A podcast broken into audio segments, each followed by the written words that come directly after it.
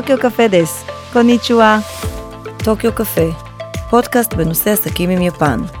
נדבר כאן על עסקים, תרבות ומה שביניהם, נארח אורחים, נחלוק חוויות עסקיות ותרבותיות שיתרמו להצלחה שלכם בעסקים עם יפן. אני ורד פרבר, מתמחה בקשרים עסקיים ותרבות. בואו נתחיל. היי רוני, היי, מה נשמע? מצוין. איזה כיף שאתה איתנו היום. אז יש לנו אורח מיוחד היום, רוני בורשטיין. אני אספר מעט על רוני מה הוא עשה בשני העשורים האחרונים לטובת יפן וישראל. דברים מאוד מאוד מעניינים, וניכנס לשיחה אה, קצת בעולם אחר, לאו דווקא יזמות, לאו דווקא הייטק.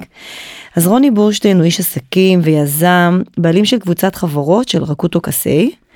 רוני שותף בחברת דיפלומט שהם מפיצי קיקומן ישראל ועוד מאות מוצרים נוספים. רוני נשיא כבוד של לשכת מסחר ישראל יפן, כיהן שנים רבות כיושב ראש הלשכה, והשנה יש לו תפקיד מיוחד, שגריר של רצון טוב לאולימפיאדת טוקיו 2020, שתתקיים השנה באיחור של שנה, לצערנו ללא קהל זר. אה, אז שלום רוני. שלום, שלום. אז מי שלא יודע, רוני אחראי לכל הקיקומן בישראל מזה 20 שנה? הרבה זמן. הרבה, הרבה, אולי הרבה יותר, זמן. יותר, כמעט אפילו 30. יותר. אז מכיוון שאתה מתעסק בנושא של ריטייל, אנחנו לאחרונה מדברים על הרבה הייטק, על יזמות, על תוכנות, יש כאן משהו מאוד מאוד מעניין, גם בכלל תופעה ישראלית ש, שאנחנו חווים ב, בעשור האחרון. אני חושבת היום בישראל אין ילד שלא יודע להגיע למסעדה, לסושי, להזמין משהו לבד בלי שהוא לא יכיר ולא ידע איך קוראים לזה. שזה באמת, אה, שזה ממש כיף אה, לראות את זה. לא, אני אתן לך דוגמה. נו, לא רק היום, לפני, אני חושב, אה, 20 שנה או 15 שנה, הבן שלי למד בכיתה א', מהמם, בהרצליה. והמורה רוצה להפתיע את התלמידים, אז היא עושה סקר, אומרת, אה, היום אנחנו מזמינים ארוחת צהריים, ונותנים לכל אחד אה, פתק, והוא צריך לסמן מה הוא רוצה. מתוך כיתה של, אני חושב, היו 25 תלמידים שם, אחר כך אה, יונתן, הבן שלי, בא וסיפר, 22 אנשים רצו סושי, וואו, לפני כל כך הרבה שנים? גם לפני כל כך וואו. הרבה שנים. כן, וואו, כן. מדהים.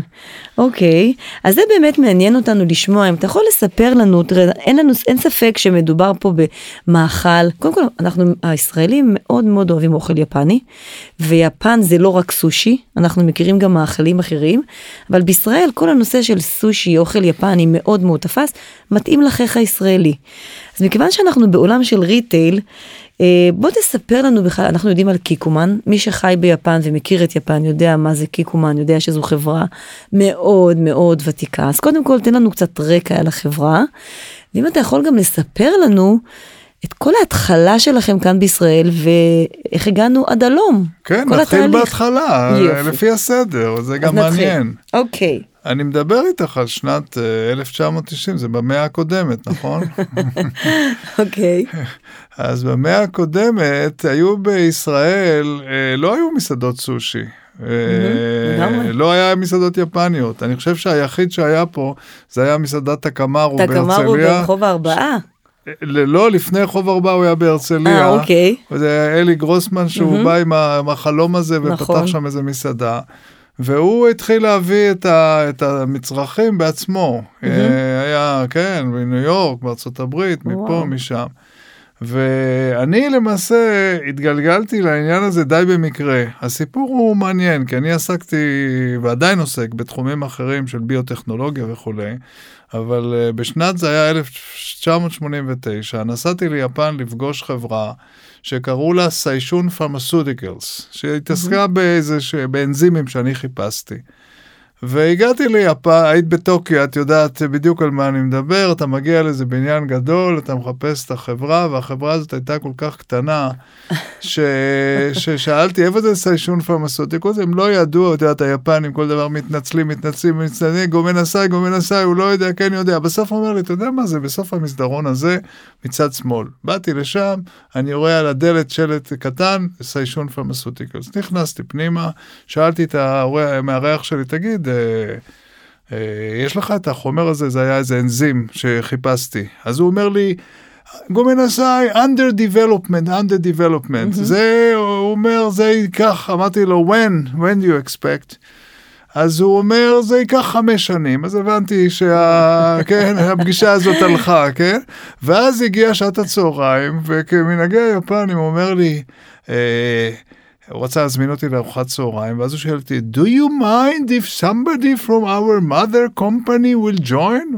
אז אמרתי לו, מצידי, כן, תביא כל אחד. תביא אה, מי שאתה רוצה. הגיע לשם מישהו, נותן לי את הכרטיס ביקור שלו, ואני מסתכל, ועל ה- הלוגו, יש את הלוגו של קיקומן. אז הוא אומר לי, do you know, do you know our company name? אז אמרתי לו, סורי, אני לא, אף פעם לא נתקלתי בחברה שלכם. אז הוא אומר, we are the largest manufacturers of soy sauce in the world. אז אמרתי לו, good for you. אז, אה, ואז הוא אמר לי, תגיד, יש אצלכם את הקיקומן? אמרתי לו, אני לא ראיתי אף פעם דבר כזה. ואז הוא אמר לי משפט שאפשר להגיד בדיעבד ככה, שינה לי הרבה מהחיים. הוא אומר לי, please check, it's good for you. אה, אוקיי. אז כשהגעתי חזרה, הייתי, אז uh, התקשרתי לחבר שלי עוד, מה, מה, אני לא יודע, מגן ילדים, אמנון דיק, שהוא היה אז סמנכ"ל בעלית. אמרתי לו, תגיד, אמנון, מה, מי זה הקיקומן האלה? מה זה? הוא, אז הוא אמר לי, תשמע, uh, זו חברה מצוינת, יפנית, אבל... Uh, אל תעשה את זה עם עילית, כי אני חשבתי אז אולי אני אביא את זה לעילית, עילית תשווק. אבל אמרתי לו, אמנון, אבל אני לא בתחום הזה. הוא אומר, "אז לא נורא, תיקח, תביא לך 500 קרטונים, ותתחיל לייבא. וזה בעצם מחזיר אותי לשאלה שלך, וזה מה שעשיתי, כן? וואו, ובדקת את השוק, ראית כדאיות, למרות שהיו פה מסעדות לא, יפניות. בדק, לא בדקתי כלום, כלומר בדק, הרגשתי ש, שאנשים רצו קצת, כאילו, היו אנשים שהביאו את קיקומן, שהכירו את זה מארצות הברית, והביאו, סיפרו לי אז כל מיני אנשים שהיו מביאים את זה בעצמם, ביבוא אישי, אבל אז קמה המסעדה הראשונה. של, אה, של טקמארו, והתחיל להיווצר העניין הזה בסושי. סושי לא רק כ- כמאכל, אלא כאיזושהי תרבות חיים. נכון. כן? זה, זה, זה הרי מבטא יותר uh, מדור כזה של צעירים, של קדמה, של טכנולוגיה. הסושי למשהו החדש הזה. נכנס פנימה, בדיוק. ו- ותראי, היום, ורד, יש לנו ב, uh, בישראל משהו כמו שבע... אנחנו בדיפלומט מוכרים כמעט ל-800 מסעדות. וואו, בישראל. 800 מסעדות שמוכרות משהו אסיאתי והרבה פעמים יפני וסושי. יש לך רשתות של עשרות עשרות אה, סניפים. סניפים. כן? הצ- ה- זה נכון שאמרו שבישראל יש על כל קילומטר רבוע אה, מס- מסעדות סושי הכי הרבה בעולם? הייתה איזושהי סטטיסטיקה יש כזאת? סטטיסטיקות כאלה, כן, בתל אביב. בתל אביב. כן, בתל אביב. תראי, אנחנו בחברת קיקומן, יש לנו תמיד יעדים של מכירות. אצלהם זה הולך בליטרים. כאילו, זה לא אומר הרבה למי שאולי מקשיב לנו, כאילו, מה זה ליטר סויה? הוא יכול לחשוב, אה, ליטר סויה זה בקבוק כזה גדול כמו קולה. תן לנו איזשהו קנה מידה. אז כן, אז אנחנו למשל בישראל, לפני, אני יודע, שנתיים, שלוש, הגענו לשיא מיליון ליטר בישראל. וואו. ובסט... וביחס למה אתה יכול לתת לנו שיהיה לנו איזשהו קנה מידה? במדינה אחרת? ב- זה מאוד, זה גבוה, זה מאוד, מאוד גבוה, גבוה? כן, מאוד גבוה. יותר מ... אפילו מ... אני לא מדבר איתך על מדינות גדולות שהן... אה, לא, ש- שאנחנו. סתם דוגמה, בזמנו אה, אנחנו גילינו שב... שישראל צורכת יותר מאשר ברזיל, כן? או יותר מאשר איטליה בזמנו, יותר אה, רוטב סויה. אני חושבת אבל כי הסויה פשוט נכנסה הביתה. שזו גם צריכה ביתית וזה לא רק משהו שהיה במסעדות, שרק מסעדות נהנות ממנו. היום הסויה הוא תבלין, הוא, הוא מאוד, הוא מאוד מאוד אה, מבוקש במטבח הישראלי לכל דבר. תראי, הוא היה גם קודם, זאת אומרת, אבל לא בהיקפים כאלו. נגיד, אה, אוסם, היו להם סויה כזאת שהיה במטבח, זרו את יד מבקבוק כזה, ש, שבקושי השתמשו בו. אבל היום הצריכה באמת אה, גבוהה מאוד, אז כשעשינו את הטקס הזה עם קיקומן של מיליון ליטר, תחשבי, זה המון. כן? כמה זה בערך לבן אדם בשנה? יש איזשהו אומדן? לבן אדם בישראל? כן. נו, אם תחלקי את הזה, כן, אז אנחנו... צריכה בקיצור, צריכה אני לא... מאוד מאוד מאוד צריכה, גבוהה. כן, אוקיי. צריכה מאוד גבוהה. וזה בסדר, ואנחנו מרוצים, וגם הישראלים. יש איזה קצת שיטה, אה, לישראלים פיתחו טכנולוגיה בעניין של הסושי. אם את אה, לוקחת סושי ואת רוצה אה, לשים עליו סויה, אז הישראלים אוהבים לטבול את זה. לטבול, ברור. כמו בתוך איזה אמבטיה כזאת של נכון, סושי. נכון, נכון, זה ההבדל. אתה יודע, כשעושים את זה ביפן, הם, הם, הם בשוק. הישראלים שמגיעים ליפן ושמים בצלוחית הקטנה הזאת, הסויה, כן. הם פשוט שמים כמו מרק. והיפנים בטבילה כזו עדינה בקצה, ככה, בשביל הטעם, הם, אני, אני יודעת על מה אתה מדבר, הילדים שלי כן. גם, הוא טובל את זה בסויה ובטריאקי וכאלה, מה שלא מקובל ביפן, אז כנראה ש- שזה גם כן, הסיבה. אנחנו בעד. אה, כן, ברור, מה שטוב, ברור. אוקיי, אז אנחנו מדברים על. ריבוי מסעדות, יש לנו הרבה יותר מסעדות, יש לנו הרבה מאוד, אני חושבת שהאוכל היפני תפס כאן, אה, הוא מאוד מתאים לחיך הישראלי, למרות ש... אה, מתאימים אותו יותר, אני, אה, הסושי שאנחנו אוכלים ביפן זה לא הסושי שאנחנו אוכלים בישראל. נכון, וזה ש- לגמרי. זה האוכל היפני, ו- ו- ומי שמכיר את יפן יודע שיפן זה לא רק סושי, יש עוד מאכלים רבים אחרים שאפשר ליהנות מהם. עכשיו, אני מניחה, מכיוון שאתה בעולם הריטייל, מה שאין לנו, אם אנחנו משווים את זה לעולם ההייטק, אין כזה דבר של אה, זמן ייצור, הזמנות, פסי ייצור, מפעלים, אה, דיפקטים במוצר. יש כמובן בהייטק, אבל לא מרגישים את זה מוחשית, כמו שחשים את זה אנשי הריטייל. עם היפנים, כמו שאני מכירה את זה, זה מאוד מאוד קיצוני. אתה יכול לתת לנו דוגמאות, אה, איך אתם מנהלים את מערך ההזמנות, את האספקה? אני מאמינה גם שזה זה מלא זמן מראש יחסית, כי זה יפן. אז אתה יכול לתת לנו קצת איזושהי סקירה בתחום הזה? כן, קודם כל אנחנו בעידן הקורונה עכשיו, אז זה פשוט, אה, זה היה פשוט בלתי רגיל במובן הזה, שכל העולם ישב בבית וצרח יותר, אז זה גם השפיע על הסויה. מפעלים שלמים בעצם עמדו, למשל המפעל בארצות הברית, שהוא המפעל הכי גדול של אה, קיקומן, עמד בלי שהיו לו בקבוקים, בקבוקים לספק. פשוט נגמר הזכוכית, אה, הספקים לא נתנו את זה, וכל המפעל בעצם לא יכול היה לספק את הדברים. אבל אה, תראי, אה, לשאלה שלך של, אה, של מסורת יפנית בעיקר, קיקומן זה חברה של 300 שנה, שתחשבי על זה, מלמדים את זה בבתי ספר למנהל עסקים שם בוורטון. אה, זה מפעל, או למעשה זה מותג, אחד המותגים הכי גדולים, העתיקים שהיו, שיש בעולם. תחשבי, שהם עושים את אותו דבר 300 שנה? בדיוק, תחשבי על חברה שיש לך מוצר, שאת במשך 300 שנה מייצרת אותו דבר. על אותה נוסחה, אותו כן. דבר 300 שנה. זה לכאורה היפוך, היפוך מההייטק, נכון? שם מהמם. ממציאים כל יום דבר נכון. אחד, אבל גם יש בזה הרבה הייטק. כלומר, לשמר דבר במשך 300 שנה באותה איכות, זה גם דורש... אז ספר לנו איך הם עושים את זה. הם קודם כל יפנים, ואני לא צריך לספר לך, ורד, שכן, ה... הנושא של יפנים וייצור והקפדה והדברים, פשוט זה לפעמים מטריד במובן אם אתה נתקל בזה בצד השני. כל אישור שאנחנו צריכים לפסיק הכי קטן בתווית, אין דבר כזה. אין אישור. התווית, אין אישור. צריכים להגיע לפה אנשים ולבדוק את זה ולראות ולעשות. כל דבר עובר איזה שלושה ארבעה דרגים מלמעלה עד שהוא מאושר. אה, בהחלט, כן. זה ה, זה ה, זאת האיכות היפנית, את יודעת, הידועה. אז אנחנו מדברים לא רק האיכות של הסויה עצמה, אנחנו מדברים על המוצר עצמו. עד כמה הם, הם לא אפשרו לכם, לה, אה, המותג חייב להיות אותו מותג, אותם צבעים, אותו שם, אותו לוגו, הוא פשוט מעוברת, הוא פשוט בעברית. כן. ו, ואתם חייבים לשמור על כל הכללים, ואי אפשר לחרוג מזה. גם, אי, נכון, אי אפשר לחרוג. אבל אני אתן לך גם דוגמה הפוכה, קיצונית, של אה, אנשים שמנסים לעשות יצוא ליפן, הם נתקלים ב... ב נקרא לזה בקשיחות הזאת, או בהקפדה הזאת היפנית, אם נדבר בצורה חיובית, גם כאשר יפנים מייבאים סחורות, וזה אולי עצה לכל אלה, מי שרוצה למכור ליפן משהו.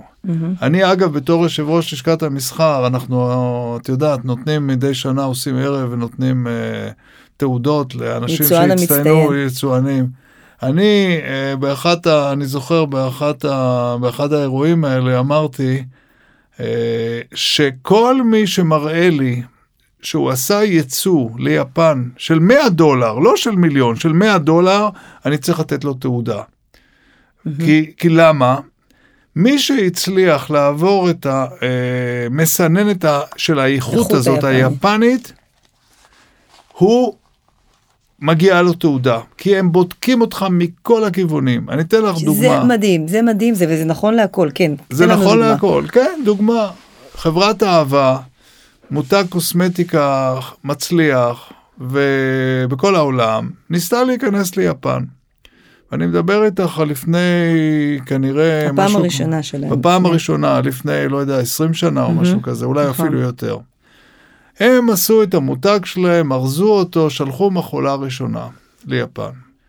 הגיעה מכולה שלמה של 20 רגל, כן, מאות קרטונים, ובקרטון, כשהם פתחו את, את המכולה, התברר שבקבוק אחד, בתוך קרטון אחד, בתוך אה, אריזה קצת יותר גדולה, כן, אה, היה בפ- הפקק הפלסטיק הזה קצת עלה למעלה והחתים את הקרטון, כן? יואו. עשה לו כתם. אחד, מתוך כנראה אלפים שהיו שם. היפנים אמרו, אמרו להם תודה רבה סגרו את לאהבה. המכולה, החזירו את כל המכולה. לישראל, לקח להם 15 שנה להגיע. לפעם השנייה. זה מטורף. זה נכון, ל, ל, נכון גם אנחנו, מכיוון שהם מאוד מאוד מקפידים על איכות, מכיוון שהם מאוד קשה להניע אותם מה, מהאיכות, מהסטנדרטים האיכות הגבוהים שלהם, איפה ראית שכן יש גמישות בצד היפני? האם זה קיים? האם יצ- יצא לך להגיד לו, תקשיב, אנחנו ישראלים ואנחנו מתנהלים כך וכך, או אנחנו ישראלים ואצלנו זה כך וכך, אולי תחשוב גם עליי כלקוח. הייתה איזושהי גמישות שם? תראה, כל הזמן יש את הטאקלים האלה הקטנים של אה, שאתה, שהיפנים מגלים משהו ואנחנו עושים את זה אחרת, ואז הם לא מבינים את התרבות. הם, אה, אנחנו אומרים, למשל? אבל, אה, זה תרבותי, זה תרבותי, זה לא עניין- עסקי. כן, זה עניין תרבותי, אבל בדרך כלל בעקרונות שלהם הם לא מוותרים. זאת אומרת, חברה שיש לה, נגיד כמו קיקומן, שיש לה איזשהו ספר מותג, ואם אתה רוצה לעשות, אה, לגלות גמישות, אני לא חושב ש... אה, זאת אומרת, זה המקום שם לגלות. הם יודעים שאנחנו יותר אה, מאלתרים, ונותנים לנו גם קרדיט על זה. אבל שנייה, אבל זה חשוב. האם זה היה, זה משהו שקיבלתם תוך כדי, אח- אחרי היכרות עמוקה וארוכת שנים, או שזה היה ממש מההתחלה? אני לא מכירה גמישות מהצעדים הראשונים בחברה יפנית, זה משהו שלא מוכר. לא, אני מסכים איתך. לא, גמישות לא הייתה. הייתה. לא הייתה גמישות. אבל לאורך השנים אתה כן חושב שב-20 שנות פעילות שלכם, 20 ויותר שנות פעילות שלכם, אתה, אתה חווה איזושהי מגמת שינוי, לא, לא בסטנדרטים של האיכות, אבל ב mindset, בגישה, ב international, ב... תראה, אני חושב שכן, בקטע הזה לא, אני לא נכנס לרמה של מוצר בודד, אבל אני חושב שיפן כ- כחברה, כ... אה, אפילו כמדינה, היום מבינה שהיא היא צריכה לגלות יותר גמישות. ולחשוב, מה שנקרא, לחשוב לפעמים אה, מחוץ לקופסה. הם מסתכלים על, ה, על הקוריאנים, על השכנים שלהם, מהמם, ורואים נכון. שה, שהקוריאנים השיגו אותם בהרבה אותם, דברים, נכון. כי הם נתנו פתח ל- לגמישות הזאת, ל, ל, אה, את יודעת, אה, לנסות לחשוב טיפה אחרת. אה, והם מבינים, ולכן את רואה אותם גם פה בישראל, הם באים לפה עכשיו הרבה יותר. אה, הם מבינים שנים. שאנחנו חברה יותר, אה, לא שאנחנו יותר יצירתיים מהם, כאילו זאת טעות שבאמת צריך לתקן אותם. כאילו, מי שיבוא ויגיד ליפנית, תראו, אתם, אנחנו יצירתיים ואנחנו זה, אז תיתנו לנו, אנחנו יותר גמישים ויצירתיים. זה לא נכון. זה לא בהכרח נכון, זה לא בהכרח גם חיובי בעיניהם. להיות מאוד מאוד יצירתי ולחשוב מחוץ, מחוץ לקופסה ולשנות את כל הפרדיגמות היפניות. בעיניים שלהם זה לא בהכרח הדבר הכי נכון וטוב לא, שיהיה. הם מבינים שיש יתרונות לזה שאתה לפעמים אה, נמצא אפילו בתוך צוות מחקר ואתה נותנים לך קצת אה, לנסות להעיז ולעשות דברים אחרים.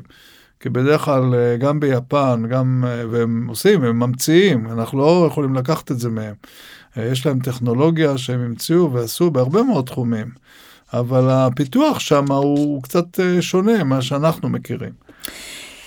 תגיד לי, רוני, יש שאלה שמטרידה, לדעתי, הרבה אנשים שרוצים לעסוק בריטייל, אה, לא בהכרח באופנה או במזון, יש הרבה מאוד אה, חברות ישראליות שרוצות לעבוד עם חברות יפניות גדולות. ומהצד היפני הן אומרות, ישראל זה לא שוק בשבילנו, ישראל הוא שוק קטן, ישראל לא כרגע באסטרטגיה, הרבה מאוד פונים אליי ואומרים לי, אנחנו מאוד רוצים להביא אותם, אבל מה לעשות, זה ישראל, מה, איך אנחנו יכולים, אנחנו לא יכולים לשנות את העובדה שאנחנו תשעה מיליון איש, כאילו, ואנחנו שוק קטן. למה לדעתך זה קורה, והאם אתה חושב שזה משהו שיכול להשתנות בעקבות הקורונה או בלי קשר? את צודקת, בקטע של אה, הרבה מאוד חברות, אה, בעיקר הגדולות שבהם יש להם איזה, שבדרך כלל יש להם מדיניות לאן הם מתרחבים. אז כשישראלים באים אה, ורוצים לעבוד עם חברות גדולות כאלה, אז לפעמים הם נתקלים בסירוב הזה והם לוקחים את זה ככה אישית. אני אתן לך את הדוגמה הכי ידועה, זה, זה יוניקלו, כן? Mm. יוניקלו, אני בתור אחד שעוסק שנים ארוכות עם יפן, כל מי שהיה פעם בניו יורק או בכל מקום שהיה חנות של יוניקלו, אומר, רוני, תשמע, אני מוכרח להביא את יוניקלו. נכון. כן? נכון, כולם רצו את זה, כולם. ועדיין רוצים. תביא את יוניקלו לישראל, יוניקלו, יוניקלו, יוניקלו, כן? כי נורא אוהבים את הבגדים שלהם והכול. חייבים להיות בישראל. וינאי-סן מסרב. וינאי-סן מסרב, והיו אצלו המון אנשים. אני יודעת שאפילו אנשים בכירים מהממשלה היו אצלו. היו אצלו, בזמנו אני הייתי חבר במשלחת של אה, אולמרט, של ראש הממשלה, שהוא היה, מתי זה היה? 2008. אז נסענו לשם, אני יודע, וגם אחרי זה ב-2015 עם אה, נתניהו. עם נתניהו. אה, כן. נסעו אנשים מהמשלחת שהיו במשלחת, הלכו למיסטר ינאי, כן? ואמרו לו שהם רוצים בישראל, שיביא את ישראל, והם תמיד, הם קיבלו את אותה תשובה מההתחלה ועד היום. זה לא באסטרטגיה שלנו, אנחנו מתפש... עכשיו אנחנו, ההתרחבות שלנו היא לדרום מזרח אסיה, כן, ולכמה ערים, אה, ערים באירופה, וזהו. אבל כמו שאמרת, ישראל תחשבי על הלוגיסטיקה, כי הם בדרך כלל רוצים, או שאתם מנהלים את המותג שלהם בתוך המדינה, זה אומר שצריכים להקים פה משרדים ולעשות, mm-hmm. והאיכות היפנית הזאת, ולהקפיד על כל זה, mm-hmm. ולהביא פה צוות. זה רחוק, זה קטן, ואנחנו נעלבים שהם לא נותנים לנו את, את יוניקלו. אבל זה יגיע. זה יגיע, יגיע, אתה חושב? יום אחד אולי, כן, כן. למרות שכוח הצריכה הישראלי הוא גבוה, אני לא יודעת יחסית ליפנים, אבל כוח הצריכה הישראלי הוא יחסית אה, גבוה. כן, אנחנו כבר מדינה, כמה? של עשרה מיליון אנשים, עם אה, הכנסה, עם תל"ג, אה, כן. יחסית גבוה. אה, יחסית. גבוה, בדיוק. אולי מדינה. זה ישתנה. זה או... יגיע. אוקיי. גם מק... אפל לא פתחה פה חנות, אז מה? אה, עדיין מוכרת פה הרבה טלפונים. כן, אוקיי. נכון, אין את המותג. אה, אני חושבת שאנחנו אה, כמי ש... אנחנו, אני אומרת, אתה ואני, מזקני השבט, כי אנחנו חווינו את, ה, את חבלי הלידה של ההתחלות שלנו עם יפן עוד לפני שני עשורים. כשאני חזרתי מיפן, ואתה כבר עובד עם יפן שני עשורים, אנחנו חווינו הרבה מאוד קשיים אה, בלעשות עסקים עם יפן כישראלים. ויש לנו עכשיו את כל הנושא שהיה, של כל הבויקוט והכל, כל המסחר. האם אתה חושב שאנחנו במקומות אחרים היום? היום אה, הנושא של החרם, השלום שנעשה עכשיו, זה משהו שיבשר בשורות טובות למי שירצה לעבוד עם יפן? אני בהחלט חושב, אני חושב שאנחנו במקום אחר לגמרי, אבל אני אגיד לך, אה, ואני אתן לך דוגמה. משיחה שהייתה לי עם שגריר יפן החדש, mm-hmm. שנכנס רק לפני כמה שבועות, פגשתי אותו לפני שבוע, ואצלו במשרד, וברכתי אותו שהוא הגיע, ואז אני אומר, הוא, אני שואל אותו, דיברנו בדיוק על אותם דברים, אז הוא אומר לי, תראה, המעמד של ישראל היום מאוד השתנה, את יודעת בזכות מה? בזכות החיסונים. בדיוק. כן, לא הייטק ולא אינוביישן ולא סיליקון ואדי כלום. כן, הוא אמר לי שאני, בדרך כלל שקיבלתי את המינוי, ל, ל, השגריר אמר שאני קיבלתי את המינוי לישראל, כל המשפחה שלו הזהירה אותו מה אתה הולך לישראל, את יודעת, כל הדברים. הרגילים ש, שיפנים חושבים על ישראל, פה כל הזמן אה, יש, אה, כן, אה, טרור ופצצות ומלחמות ואו או גמלים, או כן, כל הערבוב הזה של מדינה אה, גם מסוכנת וגם אולי לפעמים אה, פחות מתקדמת. אבל הוא אומר ברגע שעכשיו בעצם כל העולם ראה, או ביפן, ראו שישראל, השיעור חיסונים שלה הוא הכי גבוה בעולם, מהמם. כן, ו- ובסופו של דבר מתקדמת בקטע הזה, מערכת הבריאות שלה וכולי, הוא אומר המשפחה שלו נרגעה ונתנו לו לנסוע לישראל. אז למעשה אנחנו, יש לנו, אנחנו, אז, אז אנחנו מחוזרים מבחינת היפנים, גם בגלל האינוביישן, וגם הם מעריכים אותנו, מה שלא העריכו בעבר, לא, לא ברמה של איכויות, אבל לא העריכו אותנו כמדינה שמסוגלת לעשות, ואנחנו כן הצלחנו להוכיח את עצמנו. אני יכולה להגיד לך באופן אישי, כל זום שהיה לי עם יפן, זה היה נפתח בסטטיסטיקה.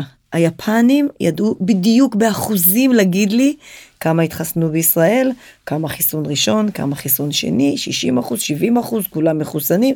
הייתי בשוק איך הם היו, הם אמרו לי כל בוקר בחדשות, הסטטיסטיקה על ישראל, מי התחסן, מי לא התחסן, יש הרבה מידע.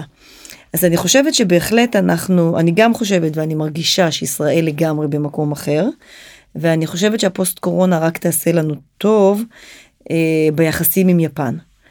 אז אם אנחנו עכשיו כאן ואתה בנושא הריטל ואנחנו בעניין של יפן, ואנחנו, אני מאוד אופטימית לגבי מה שהולך להיות. אה, אני שמחה שהחזון שלנו סוף סוף מתממש וקורים דברים. אה, אז מה אתה חושב שיכול לקרות ב... ב... אני חושבת ש-21 כבר גמורה, יותר לא יגיעו. היפנים לא יצאו מיפן לדעתי עד אחרי האולימפיאדה. כדי, ולא ייכנסו ולא יצאו, נכון? כן, עכשיו יש איזה מין גל כזה נוסף ביפן. אתה יכול קורונה. לשתף אותנו בלבטים, אתה כשגריר של רצון טוב מטעם אה, הוועד האולימפי, אתה יכול לש- לשתף אותנו במה, ב- בדברים ש... בדיונים שרצו שם? מה שקורה עכשיו זה למעשה היפנים אה, החליטו לקיים את האולימפיאדה, את יודעת, הרבה מאוד ביקורת, ועדיין יש ביקורת והפגנות וכולי. אה, אני חושב שזה יתקיים בסופו של דבר ב- ביולי השנה, 21. אה, אבל זה לא תהיה לא- אותה אולימפיאדה, זה ברור. זאת אומרת. אה, ישראל, לא רק ישראלים, כל הזרים לא יכולים להגיע ליפן. כן, התחרויות יהיו למעשה רק בנוכחות קהל מקומי, וגם ב, לא ב, בתפוסה מלאה. על מה היפנים האזרחים כועסים למעשה? שהם כועסים ש, שבעצם אה, שוכחים אותם, ורק בזכות הנושא הזה של התהילה שיפן תקבל בגלל קיום המשחקים, היא תפגע ב, באזרחים שלה, והיא בעצם מסתכנת בלהכניס עשרות אלפי אנשים אה, עם אה, מוטציות, עם פה, עם שם. הם לא רוצים את זה. אבל, אבל כל הנכנסים, כל, כל האתלטים, הם לא יכולים להיות, הולכים ישר לוועד האולימפי, לפארק האולימפי שם זה, בלי, בלי, זה, בלי להיחשף. זה בדיוק מה שיעשה, ולכן גם המשחקים האלה ייראו קצת שונה וקצת יהיו, בוא נגיד, עצובים בקטע הזה. לפי כרגע, מה שאנחנו יודעים, זה ספורטאים יוכלו, קודם כל צריכים לצאת, אחרי שהם מתחרים, תוך 48 שעות צריכים לצאת מיפן. צריכים לעשות אה, בדיקת קורונה כל אה, 72 שעות, כשהם מהמם. נמצאים שם. אסור לצאת לעיר, אסור וואו. לנסוע בתחבורה ציבורית, אתה לא יכול לנסוע. איזה פספוס. כן, אין תחבורה ציבורית, אין שום דבר, אז למעשה אתה צריך להגיע לכפר האולימפי, להישאר שם, להתחרות וללכת. וגם לא הבני משפחות שלהם, אף אחד לא יכול להיכנס. אף אחד. מקפידים מאוד בקטע הזה. ולמה לדעתך הוועד האולימפי התעקש לקיים את האולימפיאדה למרות זאת? היפני. לא, הוועד האולימפי הוא לא, לא היפני, האמריקאים, חברי, הוועד, חברי הוועדה, הם אלה שנתנו גו. כן, הם, הם נתנו גו, אבל הם, המדינה המארחת זה יפן, היא צריכה לתת את הגו הגדול. אה, ו- והיפנים היו נראה שהיו יותר להוטים מאשר הוועד האולימפי לקיים את זה. אבל אה, כן, אה, בסופו של דבר יש שם עניין של, את יודעת, של הכנסות, של חוזים, של התחייבויות. כן, זו של, אולימפיאדה של, ש... אה, של מיליארדים של... אה, 12 מיליארד דולר. אז- בדיוק. ש... אז אה, כן, אבל עדיין אני חושב שאם הם יצליחו לקיים את זה, זה גם ייתן להם אה, קרדיט של, אה, שהם לא ויתרו. סמוראים לא מוותרים. מבחינת, מבחינת היפנים, מבחינת היפנים. לא מבחינת התושבים. התושבים לא לא. רואים את זה בעין יפה. חלק מהתושבים. יש כאן איזשהו אלמנט של קוד יפני שאתה חושב שיש כאן על זה שהם לא מוותרים? אני לא חושבת שזה עניין של תהילה. אה, יש- הקוד היפני, המחויבות, ההתחייבות, יש כאן איזשהו קוד יפני שזה מה שאומר להם לא לוותר? לדעתי כן, זה מה? ה- קוד הסמוראי הזה, כן? שהוא יש- לוחם? של לוחם, יש לך משימה, אתה צריך לעמוד בה, כן, לא לוותר, גם אם זה קשה. אה, ומצד שני, הם כן מתחשבים או רוצים שזה הכל ייעשה בבטחה, את יודעת, בביטחון, כל, לפי כל הסטנדרטים.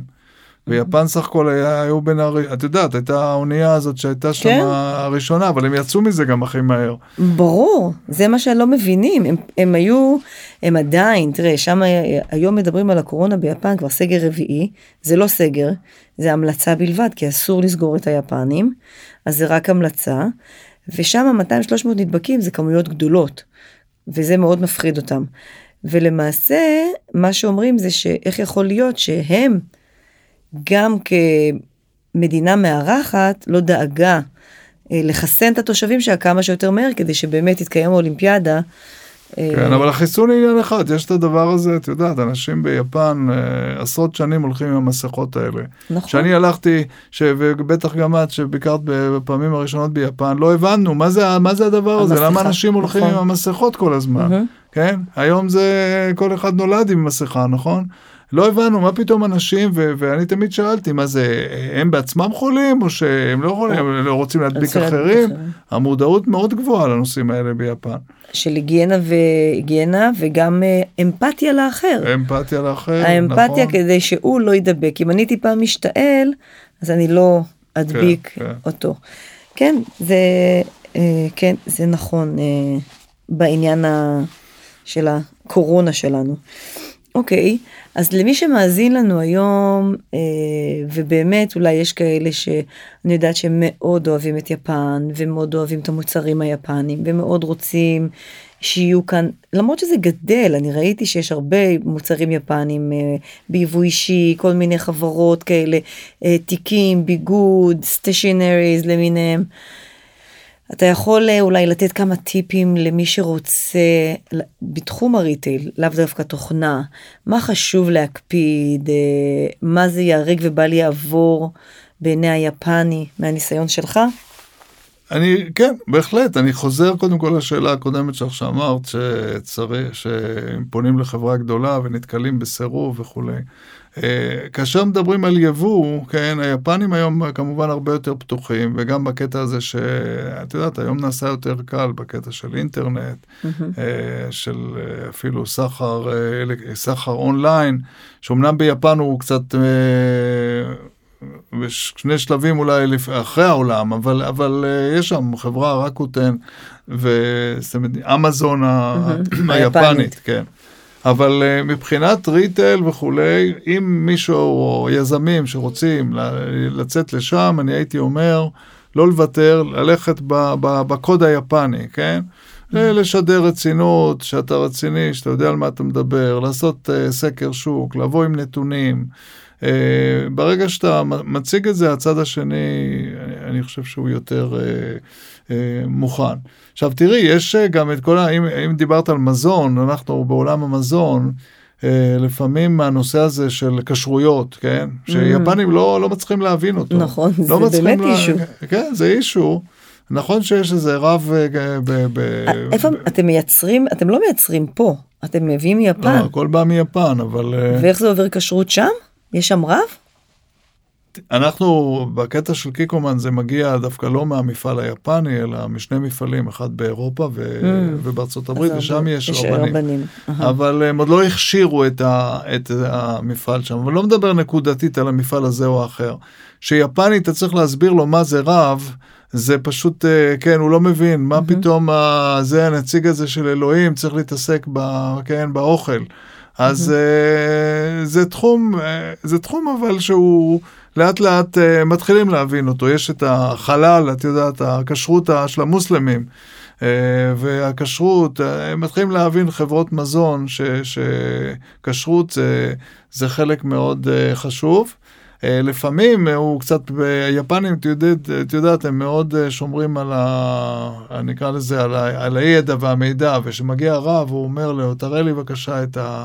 במה אתה משתמש, באיזה חומרים, וזה. ופתאום היפני מתחיל להילחץ, כן, מה פתאום, אני צריך להראות לך את, ה, נכון. את, ה, את הרצפט שלי, איך נכון. אני עושה את זה, את הכל. אז הרבה פעמים זה סיבה אחת שפשוט מכשילה את, ה, את העסקים. וואו, זה מעניין. נכון, היפנים לא אוהבים לחשוף את, ה, את סוד המוצרים שלהם. וואו, זה נשמע מאוד מאוד מעניין. אז אנחנו נמשיך לאכול סושי אני חושבת שאנחנו נמשיך לאכול סושי כאן בישראל. סושי בטח, אנחנו, יש לנו המון וריאציות כבר לסושי. כן. מצפים אותו בכדורי פלאף, את יודעת, כן. בחומוס, בזה, מתגנים אותו. עם מה... גבינה אפילו היה יו, שזה, שזה הסוף. מתעללים בסושי, אבל יש, אה, יש את הסושי הקלאסי, אנחנו נשמור לו תמיד אה, פינה חמה בלב, נכון? אני, כן, יש הרבה מאכלים יפנים שאני מאוד אוהבת, שזה לא רק סושי. ראמן, נו, ראמן עכשיו יש פה, כן? איך החבר'ה הצעירים מכירים את הראמן, מדהים. כל מי פריחה, פריחה של ראמן. כן. יופי. אז אה, רוני, אני חושבת שאנחנו, אה, אם אנחנו נסכם את הדברים, אה, אני חושבת שיש כאן הזדמנויות. אנחנו בתקופה מצוינת עם יפן, גם בתחום הריטייל. שימו לב לאיכות, שימו לב ללוחות זמנים, שימו לב להבטחות שלכם. מה אתם מבטיחים? לא שאלת אותי על הספר שלי. וואו, נכון. נכון. נו, תשאלי. כן, אתה כותב עכשיו ספר מאוד מאוד מעניין. בוא תספר לנו שיוצא אוטוטו עוד שנה. איזה שנה? הוא יצא... אוטוטו. לי... הוא יוצא תוך חודשיים. וואו, אז בוא תספר לנו על הספר שזה מאוד חשוב. אני לא אספר לכם את תוכן הספר, כי אפילו לאשתי, שהיא כל הזמן מנסה להגיד לי, מה כתבת, מה כתבת. אני לא מספר. אבל אני כבר במשך שלוש שנים האחרונות כותב ספר. הכותרת של הספר היא טעם נרכש.